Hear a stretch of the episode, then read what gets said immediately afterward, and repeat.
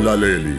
Ukhosi FM lunantokozo kwethulela nanku umdlalo ouchungechunge osihloko sithi isinqulo.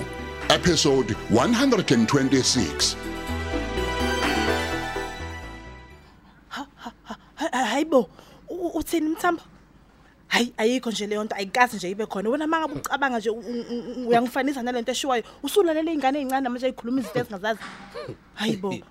Hey hey wena wefatima wena. Ungalingi uzongenza isilima Fatima uyangizwa? Ungalingi nje ungenza isilima Fatima. Ungalingi uphike uazi ongitshele yonke into. Indlela wena wamenza ngayo isilima wathi intando lomnika yona. Wazi wamthenga nisho nangemali Fatima man. Aha man sis Fatima. Hawu. Mthambo mthambo shuthi iphutha lami engale Amanyala angaka? uFatima ukuthi ngimnika imali. Uma ngimnika imali njengoba mncane wakhe ngimthanda njengengane yami shuthi ngona ngaphela nje lapho ngenza iphutha elikhulu. Hey hey hey. We- ya- yabo- yabona into engiph- engiphoxa kakhulu ngawe Fatima? Ukuthi ufake ingane kulokhu ukungcola kwakho. Ukube kwabaya ngendlela ohlele ngayo ngabe injani manje ingane kaMlamuli? Hm ibizophila impilo yayo yonke siwumbulala ingane. U- uyazi Fatima kunzima kanjani ukubulala umuntu Fatima? Hm ngiphendule yazi Mthambo. uma ucabanga kunjani enganeni? Mthambo, mthambo aw- aw- awubehlisa umoya. Aha, man. awukahle kancane Amanyala umoya. nje. uzothi bazothina abantu bazosibona manje bazokuzwa ukuthi ukhuluma ngani? Ngiyacela ehlisa umoya. Ng- ngiyazi ukuthi ucasule kodwa ehlisa umoya. Isemsebenzini la ungakukhohlwa lokho? Awusho ke sisi awusho. Yindaba ufuna ukubulala uHamza ngoba i- i- yingoba mhlambe phela ngoba nakho awusamthandi. A- a- a- awufaki ngalo mdlandla wakho emjolweni wakho omusha lona onawo? Ngiya- ngiya- ngiyaxolisa mthambo. Yabona nje a- angazi nami ukuthi ngempela ngempela ngangenosathane engakwazi Lalela-ke, ngisho wo, wo. ukuchaza ukuthi wawusuka ngakho anginandaba ke nje mina noxolo lwakho. Anginandaba nje noxolo lwakho. Angilwamukeli futhi. Yimbi lento oyenzile uyangizwa? Yimbi. Namanje azangakakholwa bengazi mina ukuthi kanti uyinyoka kangaka Fatima? Ngizofuna ukuthi ungilalelisise kahleke Fatima ngoba ikhona indlela yokuzisindisa kulomgodi osuzimbele wona manje. Mthambo ngi- ngicela ukubuza bandla. Ngabe mhlawumbe uhamza usumtshelile ngayo yonke lento angeke ngize ngikwazi ukuphila mangabe ukuthi use Oho hey nakho ke washintsha udludla wawudlala ya. Nawo kumbuze bengade ngowulindile. Bengisalokhu ngiyibuza ukuthi uzowubuza nini? Nenhlahla yakho ke uhamza bengakamtsheli. Kodwa ke ukuze kuhlale kunjalo kuzofanele mina nawe Fatima sibambisane. Kulento engizoyisho kuwe. Oh mthambo ngi- ngiyabonga kakhulu. Yazi njengamanje noma ngabe yini ufuna ngiyenze ngizoyenza. As long nje uzongithembisa ukuthi le mfihlo le ayizukufika kuhamza nakuzara ngiyakucela lalela ke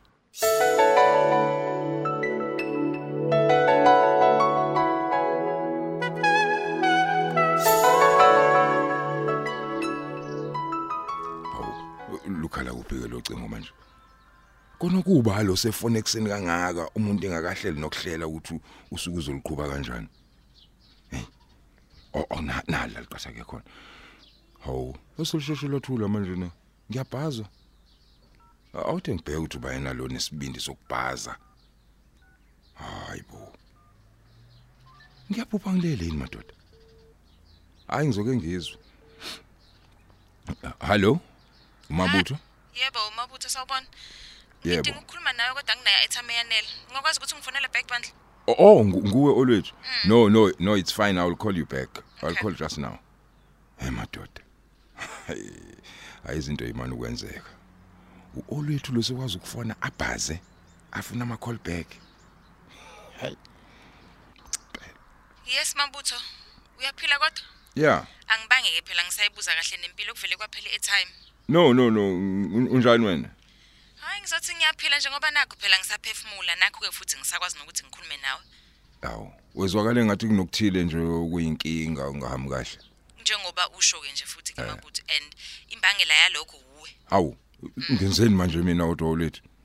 Yini bathini laba basiqabanisa bathi ngitheni? Cha ah mabutho. Wazi kahle kamhlophe ukuthi angisebenzi. Ngingasebenzi nje I'm a graduate.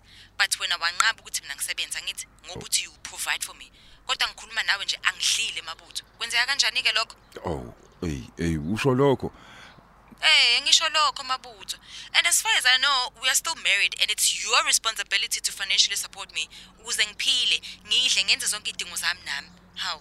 ngiyakuzwa olwethu ngizwa kahle manje i- inkinga yami ukuthi phela hey hey ngisaba ukuthi konje ngizokuzoba kanjani yabo ngizokwazi kanjani ukusiza ngoba naye inkantolo yathi angingasondeli kuwena Yes, I agree, but ukusondela kwemali yokungondla akusho phela ukuthi kumele usondele awu kodwa olwethu mkami hayi ozokhuluma kabhlungu hu Hawu sengithenike manje ngokuthini kwami?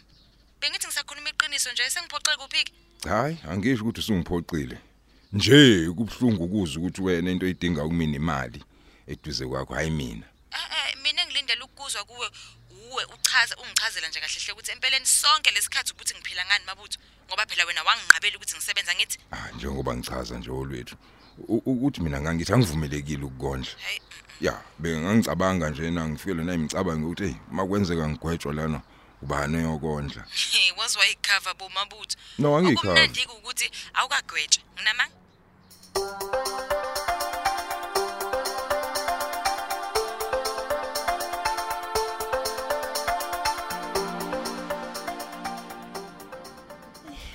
kodwa mthambo yazi ngingajabula kakhulu nje mangabe ungazama nje ukuthi uzolane nami kuyo yonke lento ngiyacela. Musa Musa Musa Fatima kulokhu ungincenga Musa nje okumele ukwazi ukuthi mina ngiphethe ifayila lakhe elinzima kabi kabi kabi ngakho ke njengoba ngike ngasho ukuthi kumele mina nawe sibambisane uma ngabe usazimisela ukuvikela isithunzi sakho Fatima.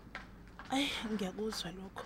Kulungile ke sengithule sengilindele noma ngabe yini ozoyisho.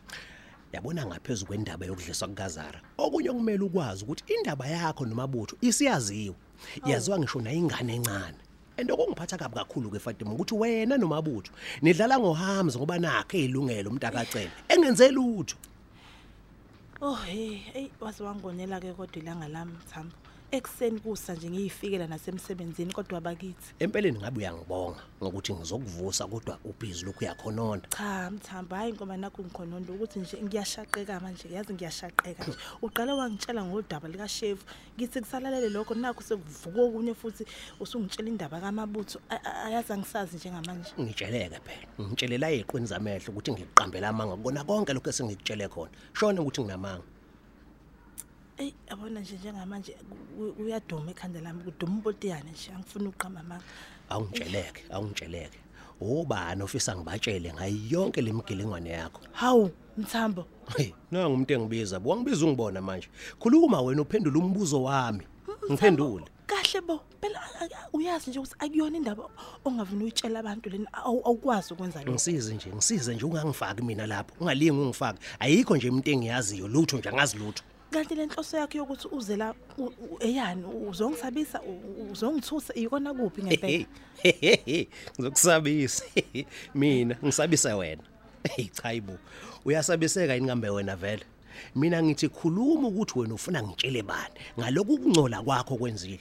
Mthambo ngiyasho nje ukuthi le ndaba ayidingi ukuthi itshelwe abanye abantu. Ngiyacela ngiyaguqa kwena ngiyacela nkosi yami. A- a- awungichazisele la ilona luphiko olushoyo udaba ngoba phela zimbili indaba esibhekene nazo mina nawe la ngisho udaba lolu lokugula kukazara mthambo angathi nje kodwa umntana mangabe seza ukuthi konke lokho kwenzekile okumehlele kubangwe yimi angathini ngempela Alright kulungile ngiyakuzwa. Futhi ke njengoba ngilapha, kumele wazi ukuthi akekho noyedwa engisamtshelile amacebo akho amabi owawufuna ukususuluza ngawo Hamza. Ngizimiseleke ukuthula ngathi vu. Uma nje ngabe uvumelana nokusebenzisana nami. Eh nkosi yami awu, sisebenze indlela yenike mthambo ngicela ukuyisa Ngosuku lokhu balisa Fatima Musa. nje. Lalela kahle ke. Iyodwa vo indlela ezokwenza ukuthi ngingamtsheli uHamza namaphoyisa ngalamacala akho amabili. Uyawazi ngithi lawo macala. hawu mina futhi namacala Yebo, ngikhuluma ngecala lokuzama ukubulala umuntu kanye nalokubopha uzungu lokubulala umuntu. hawu nkosi yami Ngicabanga ukuthi useyaqonda ke manje ukuthi ngithini. Yami ayi ngilungile ngiyakuzwa mthambo awusho ke u- u- ufuna nginike malini ukuze mhlambe um- umlomo wakho lo uhlala uvalekile Hayi kanti kushwebileke namhlanje. Gejile nje kwangempela. Angifune imali yakho mina Fatima. Engikudinga kuwena nje kunye ukuthi uhambe uye lapha emaphoyiseni ufike uvulela umabutho icala lokuthi wakunyukubeza. hayi hayi hayi hayi hayi hayi hayi hayi bo mthambo uthini manje Asengishilo ke ngumfo kamgenge Fatima. Njengoba nje sengishilo kunjalo nje akujiki. Yikho lokho nje. kodwa simakade hawu hawu hawu hawu nkosi yami mthambo wabe usubeka umbande lo nzima kangaka kodwa into enjani nje ngempela lo uthi mina angiyenzi into enjani Awuphoqiwe phela Fatima. Ungakukhohlwa lokho. Awuphoqwe umuntu nje. Angitshele, yini vele enzima ekuvuleleni mabutho icala? Hawu ngimsukele nje ngivele ngimbophise nje engenzanga lutho kumina Hayibo, akenzanga lutho. Akenza lutho? cha phela ngichaza ukuthi la konke sasikwenza naye savumelana ngeke wayekhomba omunye ngenkani Ngiyazi vele ukuthi nanivumelene lokho ngikwazi kahle. Uyabona? Kwazi kahle lokho kodwa Sanibonani. Ngiyaxolisa ukuphazamisa. awu yebo sawubona methoni ngicela usondele ngapha oh, khona nje la eh Mr Mkenge ngiyakucela bandla bengicela ukuthi usishiya kancane ngingamukela umphathi Ngiyabonga. hayi kulungile Fatima ayikho inkinga. Nisale kahle. Eh uxolo ke ukuthi ngikuphazamisa usakhuluma nowakwakho. hawu but uwa kwami ayi cha akuyena umyeni wami lo isihlobo nje e- ebesize ngokuthile Mina ke ngingumetron Khumalo. Ngiphuma ehhovisi lika hospital manager nokunguye ongiyalela ukuthi ngize kulelo hhovisi. Ushile ukuthi ngizofica usister Ntuli ngiuye ozongamukela. Eh usister Ndoli metro? Oh oh yes uNduli. Ngitshela ukuthi uselivini kukhona wena lapha unesicele eh kungabe ngu? Yebo kunjalo. Nginguye umes- unesicele. Eh impela nje umphathi wesibhedlela usitshelile ngokuza kwakho. Eh impela futhi usister Ndoli usahlaba ikhefu njengoba nje kade kunguye obephethe la isikhundla sakho. Kodwa ke kwamanje kusacuphe mina kusona. Hayi angibonge kecele. Iseze wafika kumnikazi wesikhundla okuyimi lo. Uyazi ngathi nisebenza kamnandi lana uma nibuye nivakashelwe nayihlobo zenu nje ni- nisemsebenzini. Nixoxe nje indaba zenu nje. hayi cha methona kunjalo ubengavakashile ubezobuza nje ukuthile ngoba phela useze wafika la esibhedlela kanti futhi uyazi ukuthi nami ngisebenza khona lapho Oh, okay, Eh. noted. Uh, can I have a cup of tea please?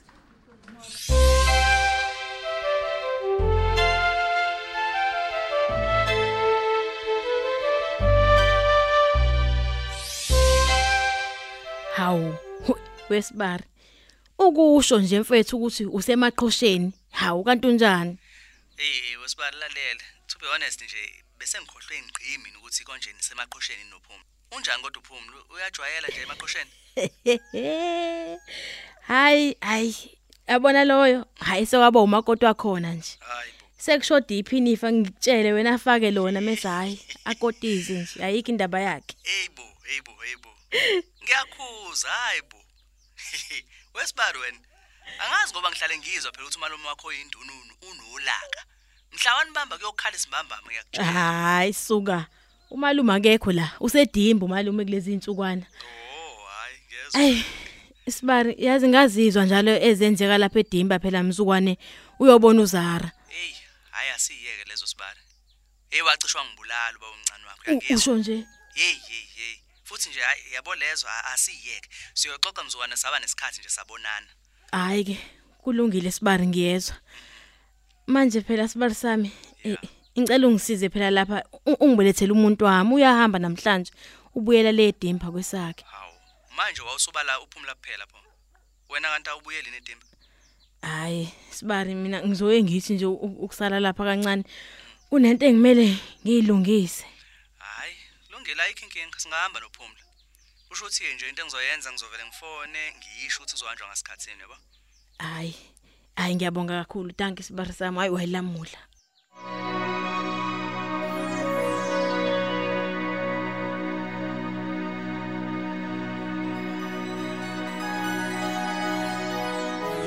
Ya angagwetshwa kodwa phela nami ngangenayo isho lethu ngokuthi kumele ngenze kuphi ngingenzi kuphi yabo. Uyazi ukuthi ngike nga- ngayicabanga leyo kuye enkantolo ngiyofaka i-maintenance kodwa Hawu. ngabuye ngavukwa isifo sami ke sihle sokulunga nkosi yami bakithi. Olethu kwangicabangela into ebuhlungu kangaka? Eni ha hayi awusangithandi ni kanti. Eh musa-ke nje ukugqumela kwesinye isihloko singakasiphithi lesi siphezu kwaso.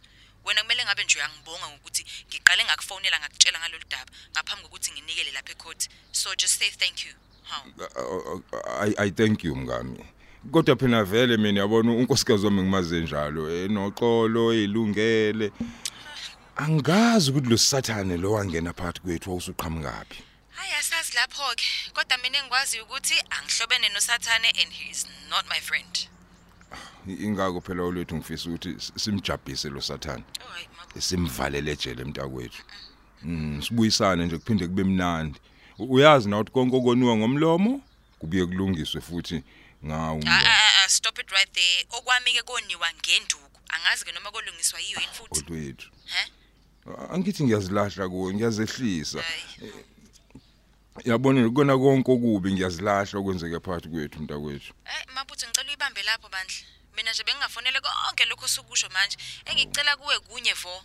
Ngicela ungifakele imali ukuze Hawu. nami ngikwazi ukumelana nezidingo zami njengomuntu. Angazi ke noma lokho engicela uzokwazini ukuthi ukwenze. Hawu hayi, wakhuleka khuleka ngizoyifaka imali hawu. Okay. Ngenzeka kanjani nje ukuthi ngakufakela imali yokwantumu kami? Alright, ke thank you Mr Mzolo. Hayi ngiyabonga nami, ngiyabonga nami. Sinjani kodwa isizungu lapho wedwa? Njengoba phela ngizwile nomsiza akekho lapho. Hey, sikhona nje kungatheni. Hawu mayima unganjani ngithi qhu ngalapho yabona? Ngikulethela ibreakfast, sicocisana face to face yabona, sibo sibonisane nje umlomo nomlomo. That's a big no no no. Musa ke nje kungiphuthuma ngalezo ndaba mabutho. Ah. Yabona lezo ndaba lezo zizokhulunywa ngilanga lazo. Hey. Lalela ngibonge kakhulu ke sengiyobona ngemali usuyifaka. Bye. Uphela kanjalo ke umdlalo wethu ouchungechunge osihloko sithi isinqulo ababhali uLerato Thuwe uMandla Dlovu uJabulani Njali kanye noyenziwe Sithole. Kanti lo mdlalo uqoqwwe ngaphansi kweso lika Dolly Ogle olethelwa ukhozi FM